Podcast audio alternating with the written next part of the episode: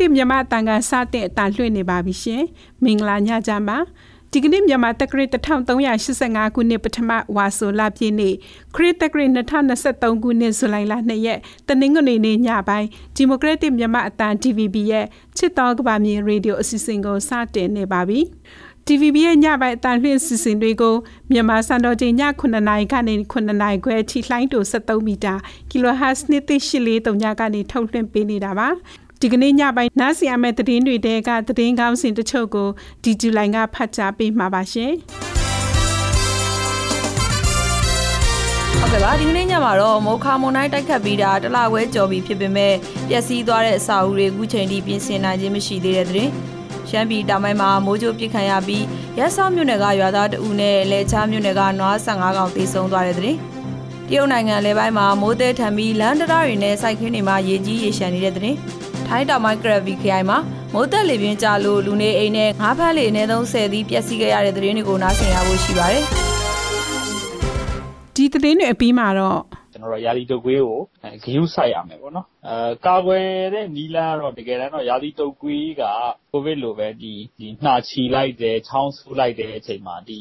ပေါ့နော်အမုံမွားတွေကလူတစ်ယောက်နဲ့တစ်ယောက်နဲ့အဲ့လိုကူးဆက်တာဖြစ်တဲ့အတွက်ကြောင့် မိုးရာသီကာလမှာဖြစ်ပေါ်တတ်တဲ့ရာသီတုပ်ကွင်းသွေးလွန်တုပ်ကွင်းနဲ့ပတ်သက်ပြီးကြိုတင်ကာကွယ်အကြံပြုချက်တွေနဲ့ပတ်သက်လို့အထူးယောဂကုဆရာဝန်ဒေါက်တာမင်းသူနဲ့ဆက်သွယ်မေးမြန်းချက်ကိုနားဆင်ရဖို့ရှိပါတယ်။ဒီကနေ့ဆောင်းပါအစီအစဉ်မှာတော့နောက်ဆုံးအနေနဲ့ကတော့မြန်မာနိုင်ငံရဲ့လက်နက်ကင်ပြည်ပကဟာ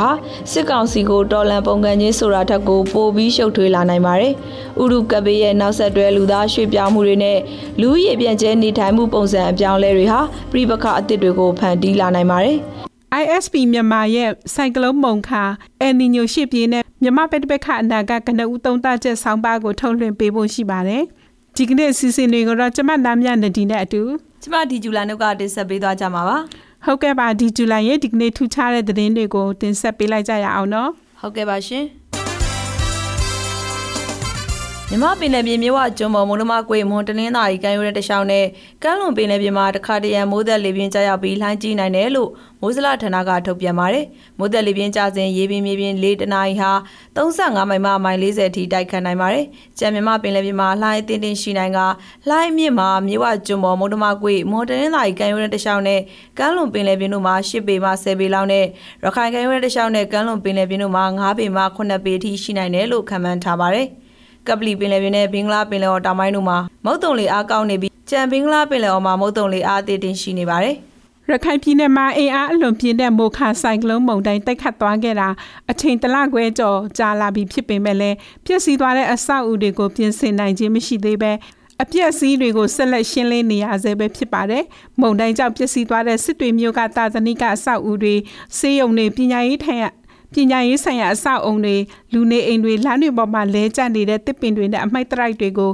မိသားတပ်ဖွဲ့တွေဌာနဆိုင်ရာအဖွဲ့အစည်းတွေနဲ့ပရဟိတအသင်းအဖွဲ့ဝင်တွေကပြီးခဲ့တဲ့ရက်ကတွားရောက်ရှင်းလင်းဆောင်ရွက်ခဲ့ကြပါတယ်။မေလ14ရက်နေ့ကတိုက်ခတ်ခဲ့တဲ့မိုခါမုန်တိုင်းကြောင့်ရခိုင်ပြည်နယ်နဲ့ချင်းပြည်နယ်မှာလူနေအိမ်ခြေပေါင်း2,900ကျော်စာတင်ကျောင်း1,600ကျော်ဘာသာရေးအဆောက်အုံပေါင်း3,500ကျော်စီးရုံစေးခန်း900ကျော်လောက်ပျက်စီးဆုံးရှုံးခဲ့ရတာပါ။လက်ရှိအချိန်မှာတော့လူနေအိမ်တချို့ကိုပြည်သူတွေကကိုထုကိုထပြင်ဆင်နေကြသလိုအိမ်ဆောက်ပစ္စည်းအကူအညီတွေလည်းလိုအပ်နေဆဲဖြစ်ပါတယ်။မုံတိုင်းကြောင့်ပျက်စီးသွားတဲ့အခြေခံပညာကျောင်းတွေ80ရာခိုင်နှုန်းကျော်အစစ်မြင့်ပညာကျောင်းတွေ60ရာခိုင်နှုန်းကျော်နဲ့စီးုံစေခန်းတဝက်ကျော်ပြင်ဆင်ပြီးသွားပြီလို့စစ်ကောင်စီပြန်ကြားရေးဌာနကထုတ်ပြန်ထားပါတယ်။မုခမွန်နိုင်သည့်ပြည်သူတွေအတွက်လူသားချင်းစာနာမှုကူညီတွေပေးနိုင်တဲ့ပတ်သက်ပြီးပြည်ပဆိုင်ရာရွှေ့ပြောင်းတော်လာရေးဖွဲ့ IOM ကတာဝန်ရှိသူတွေကစစ်ကောင်စီနဲ့စစ်ကောင်စီဝင်ကြီးနဲ့နေပြည်တော်မှာတွားရောက်တွေ့ဆုံဆွေးနွေးခဲ့ပါတယ်။ IOM ရဲ့အာရှနဲ့ပစိဖိတ်ဒေသဆိုင်ရာညွှန်ကြားရေးမှူး Miss Sarah Rasmus REO ဟာဇွန်လ29ရက်နေ့ကနေပြည်တော်မှာစစ်ကောင်စီရဲ့လူမှုဝန်ထမ်းကယ်ဆယ်ရေးနဲ့ပြည်내နေရာချထားရေးဝန်ကြီးနဲ့တွေ့ဆုံခဲ့တာပါ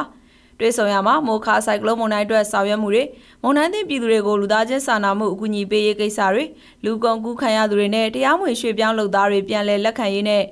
လူအတိုင်းဝိုင်းအတွင်းပြန်လည်ဝန်ဆက်ရေးကိစ္စတွေဆွေးနွေးခဲ့တယ်လို့စစ်ကောင်စီဝန်ကြီးဌာနကထုတ်ပြန်ပါတယ်။ မွန်တိုင်းသည့်ပြည်သူတွေအတွက်နိုင်ငံတကာအဖွဲ့အစည်းတွေရဲ့အကူအညီပေးရေးစီစဉ်တွေကိုစစ်ကောင်စီကပိတ်ပင်တားဆီးနေတယ်လို့ကုလသမဂ္ဂကပြောကြားထားတာဖြစ်ပါတယ်။ရှမ်းပြည်တောင်ပိုင်းလွယ်လင်းခရိုင်လဲချားမြို့နယ်မှာ ပြီးခဲ့တဲ့ရက်ပိုင်းကတောထဲလွှတ်ထားတဲ့နွားတွေမိုးကျပစ်ခံရပြီး15ကောင်သေဆုံးသွားပါတယ်။အဆိုပါနွားတွေဟာနတ်မဟုရွာသားတဦးပိုင်နွားတွေဖြစ်ပြီးဆွလ29ရက်နေ့ကတောတဲ့အစာရှာစားဖို့လွှတ်ထားခဲ့ကြောင်းအဲ့ဒီနေ့ညနေ3နာရီလောက်ကမိုးကြီးပြီးလက်စည်းလက်မိုးကျပစ်တန်တွေကြားခဲ့ကြောင်းပိုင်ရှင်ကတော့သူ့နွားတွေမိုးကျပစ်ခံရမယ်လို့မထင်ပဲအလူအိမ်မှာသွားကူနေတဲ့အကြောင်းနောက်တနေ့မနက်10နာရီလောက်မှာတော့နွားတွေအတုံးယုံသေဆုံးနေကြတာကိုရွာသားတွေကတွေ့လို့သွားကြည့်တော့မှသူတို့အိမ်ကနွားတွေဖြစ်နေလို့ပိုင်ရှင်မှာနှမျောတတငိုကြွေးခဲ့တယ်လို့နှမှုရွာသားတူက DPP ကိုပြောပါတယ်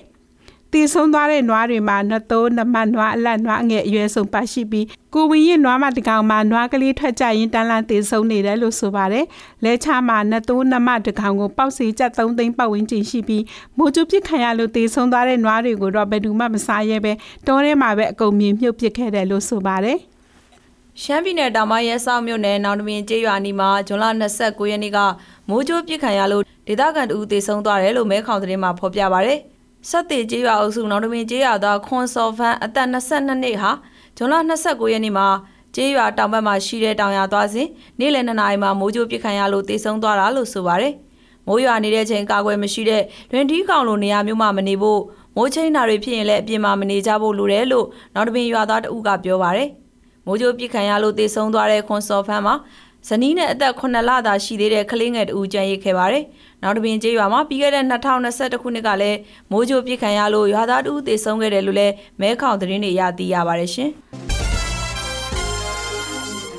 DVB ရဲ့ရေဒီယိုအစီအစဉ်တွေကိုနားဆင်နေကြရတာပါအခုဆက်လက်ပြီးမိုးလေဝသသတင်းတွေတင်ဆက်ပေးမှာဖြစ်ပါတယ်မ င်္ဂလာပါရှင်ဇူလိုင်လ2ရက်နေ့အတွက်မိုးလေဝသခန့်မှန်းချက်တွေကိုတင်ဆက်ပေးတော့မှာဖြစ်ပါတယ်ဒီကနေ့မနက်ပိုင်းဖန်ရရှိထားတဲ့ကျွန်တော်တို့တိမ်ပုံကြည့်မယ်ဆိုရင်တော့ကပလီပင်လယ်ပြင်နဲ့ဘင်္ဂလားပင်လယ်အော်တောင်ပိုင်းတို့မှာမုတ်တုံလေအားကောင်းနေပြီးတော့ဂျမ်မင်္ဂလားပင်လယ်အော်မှာတော့မုတ်တုံလေအားအသင့်တင်ရှိနေပါတယ် မနက်ဖြန်ညနေအထိမိုးလေဝသခန့်မှန်းချက်တွေနေနေရတော့မြဝကျွန်းပေါ်မုတ်တမခွေမိုးနဲ့တနင်္လာရီကင်မရန်ရှောင်းနဲ့ကမ်းလွန်ပင်လယ်ပြင်တို့မှာတခါတရံမိုးတက်လေပြင်းနဲ့ကြားရောက်ပြီးတော့လှိုင်းကြည့်နိုင်ပါတယ်။မိုးတက်လေပြင်းကြားနေတဲ့အချိန်မှာရေပြင်းမြေပြင်လေကတနာရီ35မိုင်ကနေမိုင်40နှုန်းထိတက်ခတ်နေပါတယ်။ကြံမြမပင်လယ်ပြင်မှာတော့လှိုင်းတဲ့တဲ့ရှိနိုင်ပါတယ်။ လိုင်းမြင့်နေနေနေကတော့မြဝကျုံမမုတ်တမခွေမိုးနဲ့တင်းလိုက်ကန်ရန်ရှောင်းနဲ့ကမ်းလွန်ပင်လယ်ပြင်တို့မှာရှစ်ပေကနေ10ပေလောက်ထိမြင့်တက်နိုင်ပြီးတော့ရခိုင်ကန်ရန်ရှောင်းနဲ့ကမ်းလွန်ပင်လယ်ပြင်မှာတော့9ပေကနေ9ပေလောက်ထိမြင့်တက်နိုင်ပါတယ်ရှင်။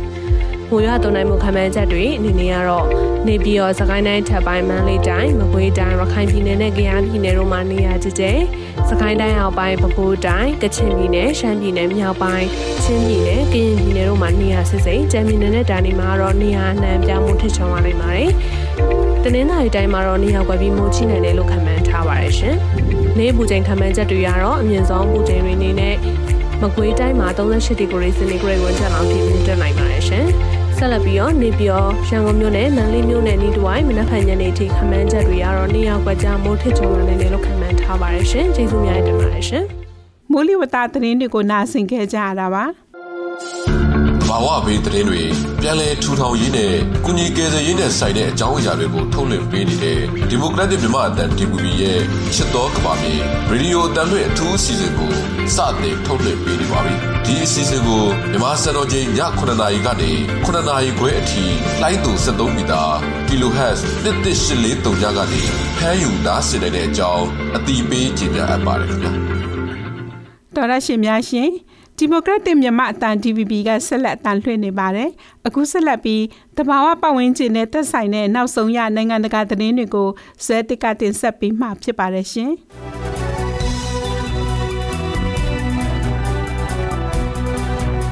ရုတ်နိုင်ငံအလဲပိုင်းဟူနန်ပြည်နယ်ရှိရှန်ရှီတူဂျာနဲ့မြောင်ကိုပိုင်အုတ်ချုပ်ခွင့်ရစီရင်စုရှိအိရိယာအသီးသီးမှာဇွန်30ရက်နေ့ကမိုးတဲထန်စွာရာသွန်းမှုကြောင့်လမ်းတွေလူနေအဆောက်အုံတွေနဲ့စိုက်ပျိုးရေးဆိုင်ရာအဆောက်အုံတွေကိုကြကြပြက်ပြန့်ရွေလွှမ်းမှုပြီးထိခိုက်ပျက်စီးမှုတွေလည်းရှိခဲ့ပါတယ်။ဒေသဆိုင်ရာအာဏာပိုင်တွေဟာပြင်းထန်တဲ့ရာသီဥတုသတိပေးချက်တွေကိုမြန်မြန်ဆန်ဆန်ထုတ်ပြန်ခဲ့ပြီးအခြေအနေကိုဖြေရှင်းဖို့အရေးပေါ်ကယ်ဆယ်ရေးအဖွဲ့တွေကိုလည်းစီစဉ်ခဲ့ပါတယ်။ စီရင်စုအတွင်းရှိပေါင်းရှင်းကောင်တီရဲ့မြို့ပြဧရိယာနဲ့အနီးတစ်ဝိုက်ရှိမြို့နယ်တွေမှာအထူးသဖြင့်မိုးသည်ထန်စွာရသွန်းတာကြောင့်ခရိုင်အတွင်းမှာအချိန်12နာရီအတွင်းမိုးရေချိန်280မီလီမီတာနီးပါးရရှိခဲ့ပါတယ်။ရေကြီးရေရှမ်းမှုတွေနဲ့အတူလမ်းတွေဟာရွှွန့်နှုံချောင်းတွေအဖြစ်ပြောင်းလဲသွားခြင်းကြောင့်ဒေသနရမိုးလေဝသဌာနကနေ့လယ်ပိုင်းမှာမိုးသည်ထန်စွာရသွန်းခြင်းအတွက်အမြင့်ဆုံးအဆင့်အနီအောင်သတိပေးချက်ကိုထုတ်ပြန်ခဲ့ပါတယ်။ မိုးအဆက်မပြတ်ရွာသွန်းမှုကြောင့်ကော်ပဲတိနံတွေနေအိမ်တွေနဲ့ဈေးဆိုင်တွေအများပြားပျက်စီးခဲ့ပြီးဒေသခံတွေအများပြားတောင်းတင်နေခဲ့ပါတယ်ဒေသခံမိသက်သမားတွေဟာမြန်မြန်ဆန်ဆန်တုံ့ပြန်ခဲ့ပြီးဘေးသင့်ဒေသတွေကိုရောဘာလီတွေနဲ့အလျင်မြန်ရောက်ရှိလာခဲ့တာကြောင့်ပေါင်းရှင်းကောင်တီရှိ12မြို့နယ်မှာလူတစ်ထောင်ကျော်ကိုဘေးကင်းတဲ့နေရာတွေစီအောင်မြင်စွာရွှေ့ပြောင်းနိုင်ခဲ့ပါတယ်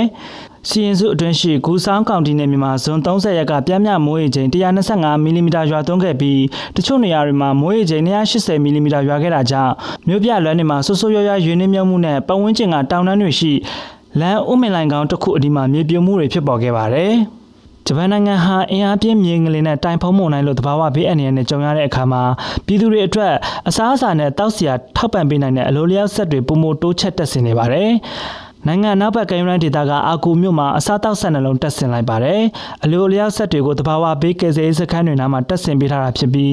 ဆက်တွေထဲမှာတော့ရေနဲ့အေးအေးဖြော်ရည်ပလင်းဘူးပေါင်း300လောက်နဲ့အာဟာရဖြစ်ဆွတ်အစားအစာတွေထည့်ပေးထားပါတယ်။ဂျပန်နိုင်ငံအလဲပိုင်းနဲ့အနောက်တောင်ပိုင်းကရင်ရန်ဒေတာမှာလာမယ့်ဆယ်စုနှစ်အနည်းငယ်အတွင်းအင်အားပြင်းငလင်လောက်ခတ်နိုင်တယ်လို့ဂျပန်မြင်းငလင်တိုင်းထွာရေးဌာနကခန့်မှန်းထားပါတယ်။ ထိုင်းတောင်ပိုင်းကရာဘီခရိုင်ထဲမှာယမန်နေ့ဇွန်လ၁ရက်နေ့မနက်3နာရီကနေညနေ3နာရီအထိတနေကုန်မိုးတက်လေပြင်းကြောက်တာကြောင့် ကော်လန်ခါမြို့နယ်တွေကတစ်ပင်ကြီးတွေလမ်းဘေးတမီတိုင်တွေလဲကြကပင်လယ်ကမ်းနားရပ်ထားတဲ့ငါးဖမ်းလင်ငယ်ဆယ်စီးကျော်လိုင်းပုတ်ပြီးပျက်စီးခဲ့တယ်လို့ထိုင်းနိုင်ငံသဘာဝဘေးရန်ရဲ့ကုညီကယ်ဆယ်ရေးဦးစီးဌာနကထုတ်ပြန်ပါတယ်။ကော်လန်ခါမြို့နယ်ရှိရက်ကွက်နဲ့ကြေးရပေါင်း၈ခုမိုးတက်လေပြင်းတင်ခဲ့ပြီးတစ်ပင်တစ်ကိုင်းတွေကျိုးကြတာကြောင့်နေအိမ်ပျက်စီးသလိုလမ်းပေါ်မှာရင်ကြောပိတ်မှုဖြစ်ခဲ့ကြောင်းဘန်ခလောင်ရွာကတငါလင်၅စီးကော်ပေါ်ရွာကလင်၅စီးစံကာဥရွာကငါးဖမ်းလေတစ်စီးစုစုပေါင်း၁၁စီးလိုင်းလုံးကြီးတွေအပုတ်ခံရလို့ပျက်စီးခဲ့တယ်လို့ဆိုပါတယ်။ယမန်နေ့ကထိုင်းမြောက်ပိုင်းနန့်ခိုင်ဘော့ကလေးမြို့မှာတောင်ပြိုလန်းပိတ်ဆို့ပြီးထိုင်းအရှေ့ပိုင်းလျောင်းမှာလည်းနီခုံးဖတ်တနာအိမ်ယာကနေအိမ်တလုံးပေါ်မြေပြိုကျပြီးပျက်စီးခဲ့ပါတယ်။တဘာဝပတ်ဝန်းကျင်နဲ့သက်ဆိုင်တဲ့နိုင်ငံတကာသတင်းတွေကိုနားဆင်ကြရတာပါ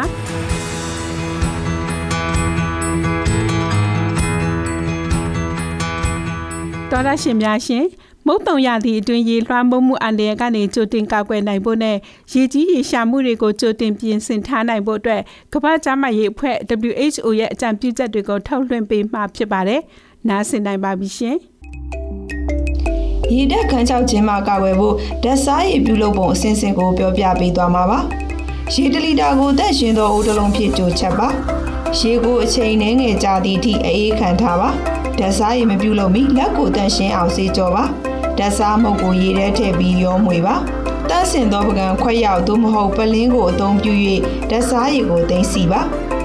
နှစ်နှစ်အောက်ကလေးများအတွက်ဓာတ်စားရည်လေးပုံတစ်ပုံမှာခွက်တစ်ဝက်စာအထိတိုင်နိုင်သည်နှစ်နှစ်ထက်ကလေးများအတွက်ဓာတ်စားရည်ခွက်တစ်ဝက်စာမှတစ်ခွက်စာအထိတိုင်နိုင်သည်ပြင်ဆင်ထားသောဓာတ်စားရည်ကိုလုံခြုံသောနေရာတွင်သိမ်းဆည်းပြီး24နာရီတွင်တောက်ပါတင့်မှာဓာတ်စားရည်မရှိပါကအိမ်တွင်ပြုလုပ်နိုင်ပါသည် တကြားလက်ဖက်ရည်စွန်း6စွန်းနဲ့စားလက်ဖက်ရည်စွန်းတစ်ဝက်ကိုရေ1လီတာထဲထည့်ပြီးဓာတ်စားရည်ပြုလုပ်နိုင်ပါသည်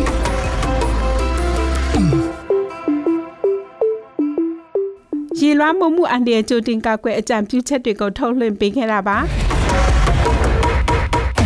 Inform MM application နဲ့ဆိုရင်ယုံကြည်ရတဲ့မြန်မာမီဒီယာတွေရဲ့သတင်းတွေကိုတနေရာထဲမှာသစုသစည်းတဲ့ရယူနိုင်ပါတယ်။ဒီ application ကအခမဲ့ဖြစ်လို့အခုပဲ Google Play Store ကနေ download ဆွဲပြီး TVB ရဲ့သတင်းတွေ podcast တွေနဲ့တခြားစိတ်ဝင်စားစရာအကြောင်းအရာတွေကိုဝင်ရောက်ကြည့်ရှုလိုက်ပါနော်။တော်ရရှင်များရှင် TVB ရဲ့ချစ်တော်ကဘာမြေရေဒီယိုအစီအစဉ်ကိုနားဆင်နေကြရတာပါ။ အခုဆက်လက်ပြီးဆက်သွယ်မေးမြန်းချက်တပုတ်ကိုလည်းထုတ်လွှင့်ပေးပါအောင်မယ်။မိုးရာသီကာလမှာဖြစ်ပေါ်တတ်တဲ့ရာသီတုပ်ကွေးသွေးလွန်တုပ်ကွေးတွေနဲ့ပတ်သက်ပြီးကြိုတင်ကာကွယ်အကြံပြုချက်တွေနဲ့ပတ်သက်လို့အထွေထွေယောဂကုဆရာဝန်ဒေါက်တာမင်းသူကိုဆက်သွယ်မေးမြန်းထားပါတယ်ရှင်။အဲရာဒီတုတ်ကွေးနဲ့သွေးလွန်တုတ်ကွေးနဲ့ကကြတော့အဓိကပြီးဘလို့ကနေစဖြစ်လာလဲပေါ့နော်အဲဘယ်ရာဒီတွေမှာဖြစ်လေဖြစ်ထားရှိလဲပေါ့နော်အဲနည်းနည်းပြပြပါလားဟုတ် သူကတော့ဒီ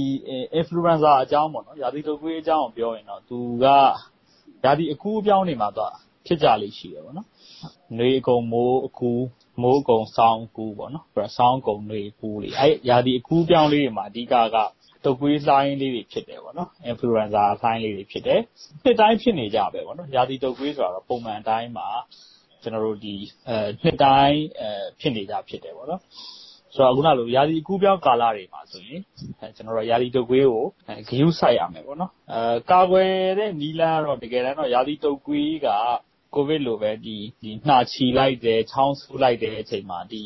အမှုံအမွားတွေပေါ့နော်အမှုံအမွားတွေကလူတစ်ယောက်နဲ့တစ်ယောက်နဲ့အဲ့လိုကူးဆက်တာဖြစ်တဲ့အတွက်ကြောင့်အဲရာသီတုပ်ကွေးအိမ်မှာဖြစ်တယ်ဆိုရင်တော့ခုနလိုတီးတန့်နေနိုင်ရင်တော့တအိမ်လုံးမဖြစ်တော့ဘူးပေါ့နော်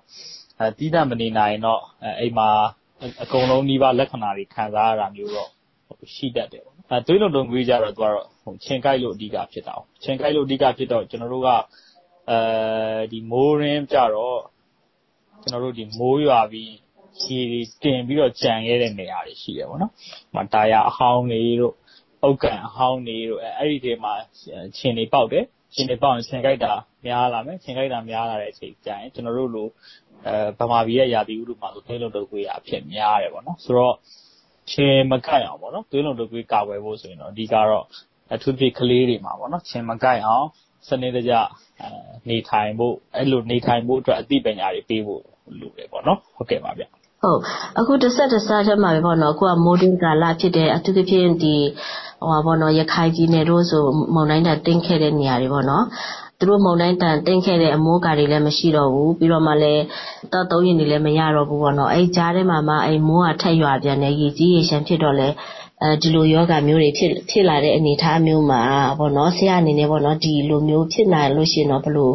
သူတို့အတွက်ဘလို့မျိုးကြိုတင်ကာကွယ်လို့ရနိုင်မယ့်အနေအထားတွေရှိလဲဘလို့အကြံပေးချင်လဲဆရာဟုတ်အဲဆိုတဲ့အခါကျတော့ကျွန်တော်တို့ကယောဂါတွေပေါ့နော်အထူးသဖြင့်ဒီရာသီတုပ်ကွေးတို့ သွေးလွန်တုပ်ကွေးတို့ကိုဗစ်တို့ပေါ့နော်ဖြစ်မှကုတာအတွက်မဖြစ်အောင်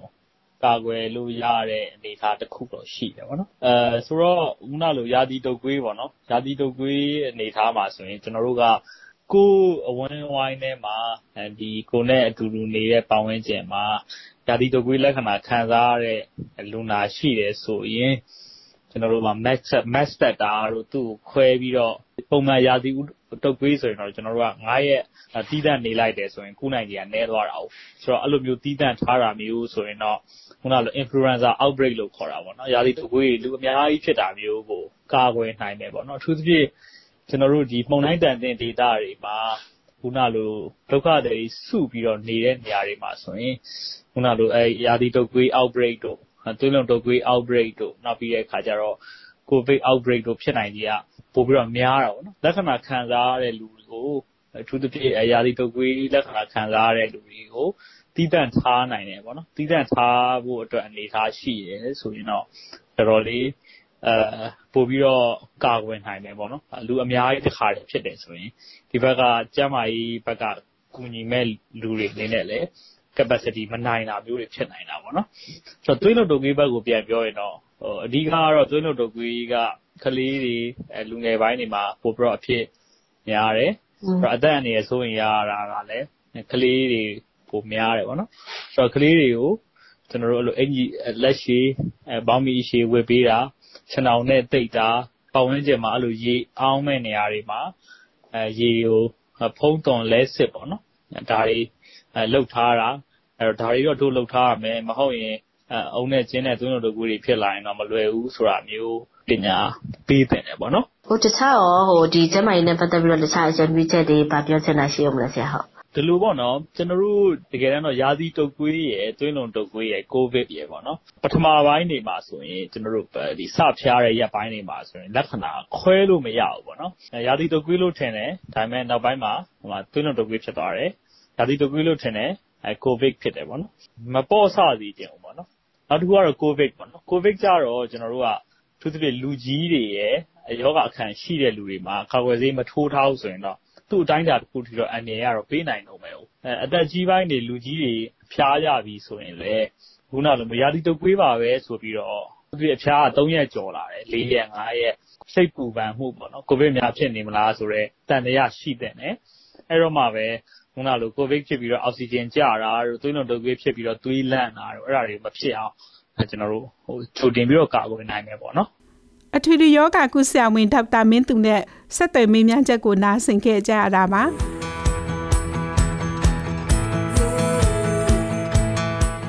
တော်ရရှင်များရှင်အခုဆက်လက်ပြီးစောင်းမအစီအစဉ်ကိုထုတ်လွှင့်ပေးပါတော့မယ် ISP မြန်မာရဲ့စိုက်ကလုန်းမုံခါ အန်နီညိုရှိပြင်းတဲ့မြမပက်တပက်ခအနာကကနဦးသုံးသက်ချက်ဆောင်းပါးကိုထုတ်လွှင့်ပေးမှာပါဒီဂျူလိုင်ကဖတ်ကြားပေးထားပါတယ်ရှင်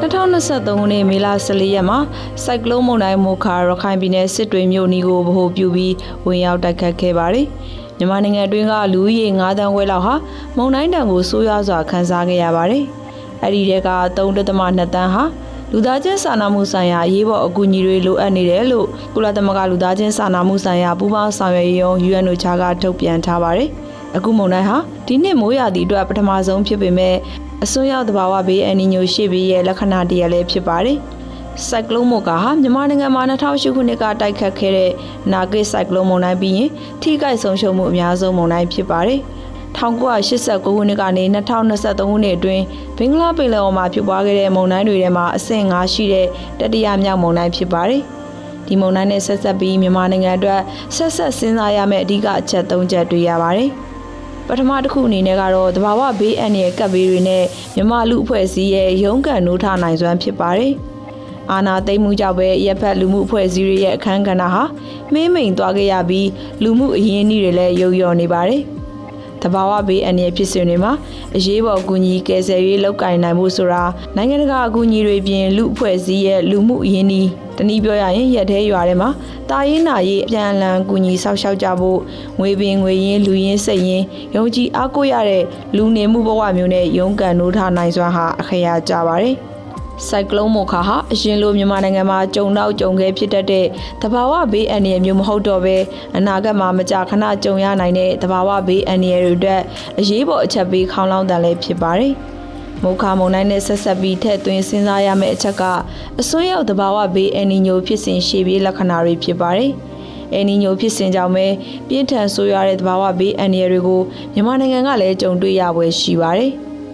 လက်နက်ကင်ပရိပခတွေရဲ့နောက်ဆက်တွဲဒဏ်တွေကိုခံစားနေရတဲ့မြမလူအဖွဲ့အစည်းဖို့ဒီလိုပြင်းထန်ဆိုးရတဲ့သဘာဝကပ်ဘေးတွေကိုသာထပ်တိုးခံစားနေရမယ်ဆိုရင်တပူပေါ်နှစ်ပူစစ်ပြီးလူအဖွဲ့အစည်းတစ်ခုလုံးဒီထက်အဆမတန်ဆိုးရတဲ့လူမှုဒုက္ခတွင်ဆုံးကြတဲ့ကပ်ဘေး humanitarian disaster အစိုးကြော့ဆက်ဝင်တဲ့ဆိုက်ရောက်သွားနိုင်ပါတယ်။ ဆရာနာသိန်းနာနဲ့ကိုဗစ်ကပ်ဘေးကိုတပြိုင်နက်တည်းကြုံခဲ့ရတဲ့အခြေအနေမျိုးထက်ပိုပြီးတက်ရောက်ကျေပြန့်တဲ့အရှိန်ပြင်းတဲ့ပြန်လဲထူထောင်မှု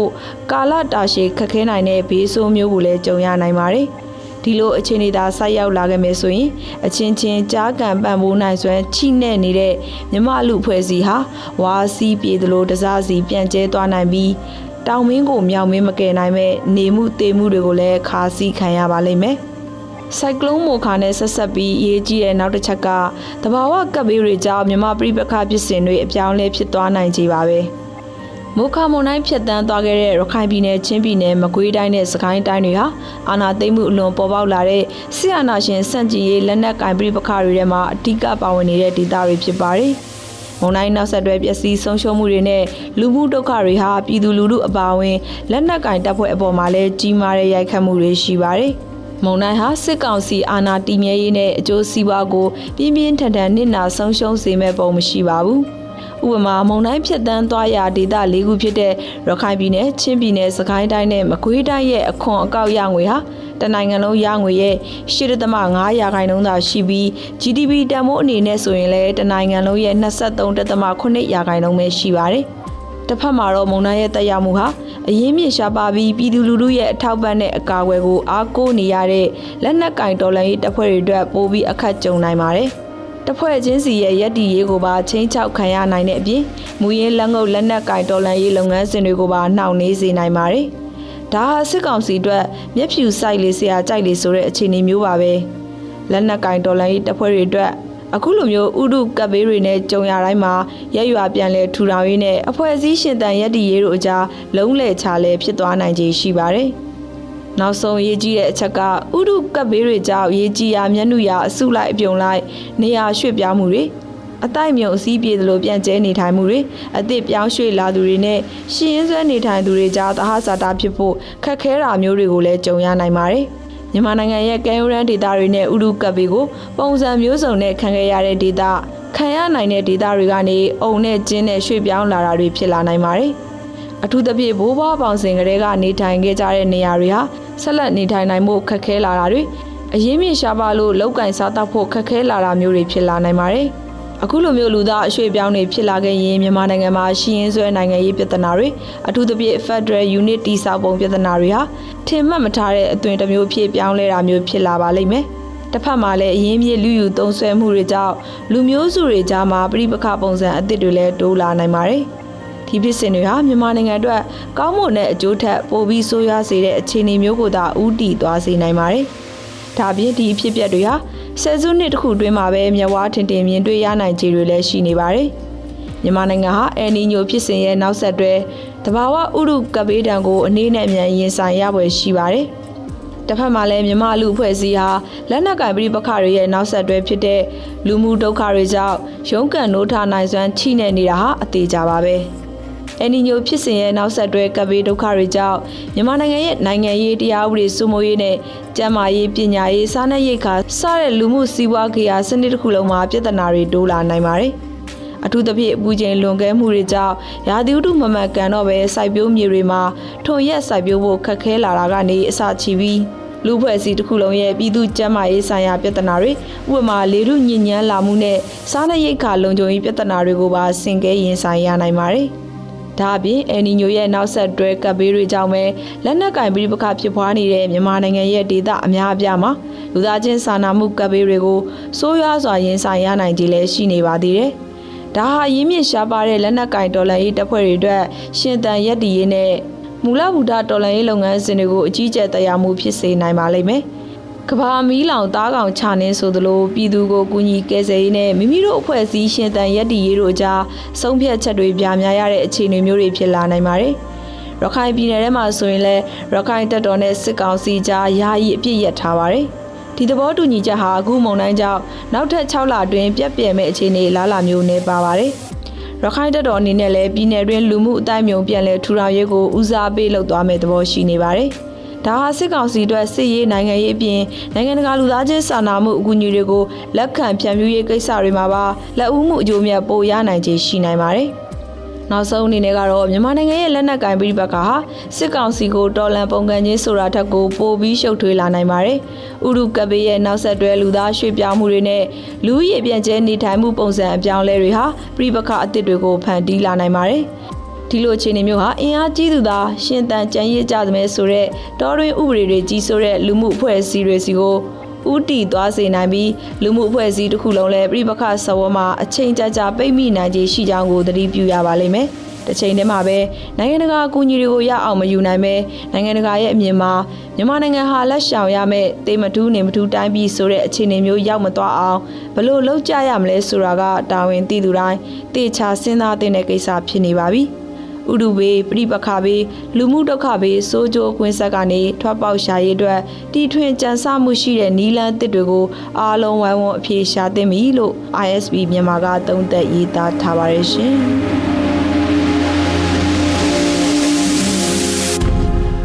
ဆိုင်ကလုန်းမုန်ခါအန်နီညိုရှိပြင်းတဲ့မြမပတိပက္ခအနာကခဏဦးသုံးတချက်ဆောင်းပါးကိုနားဆင်ခဲ့ကြရတာပါ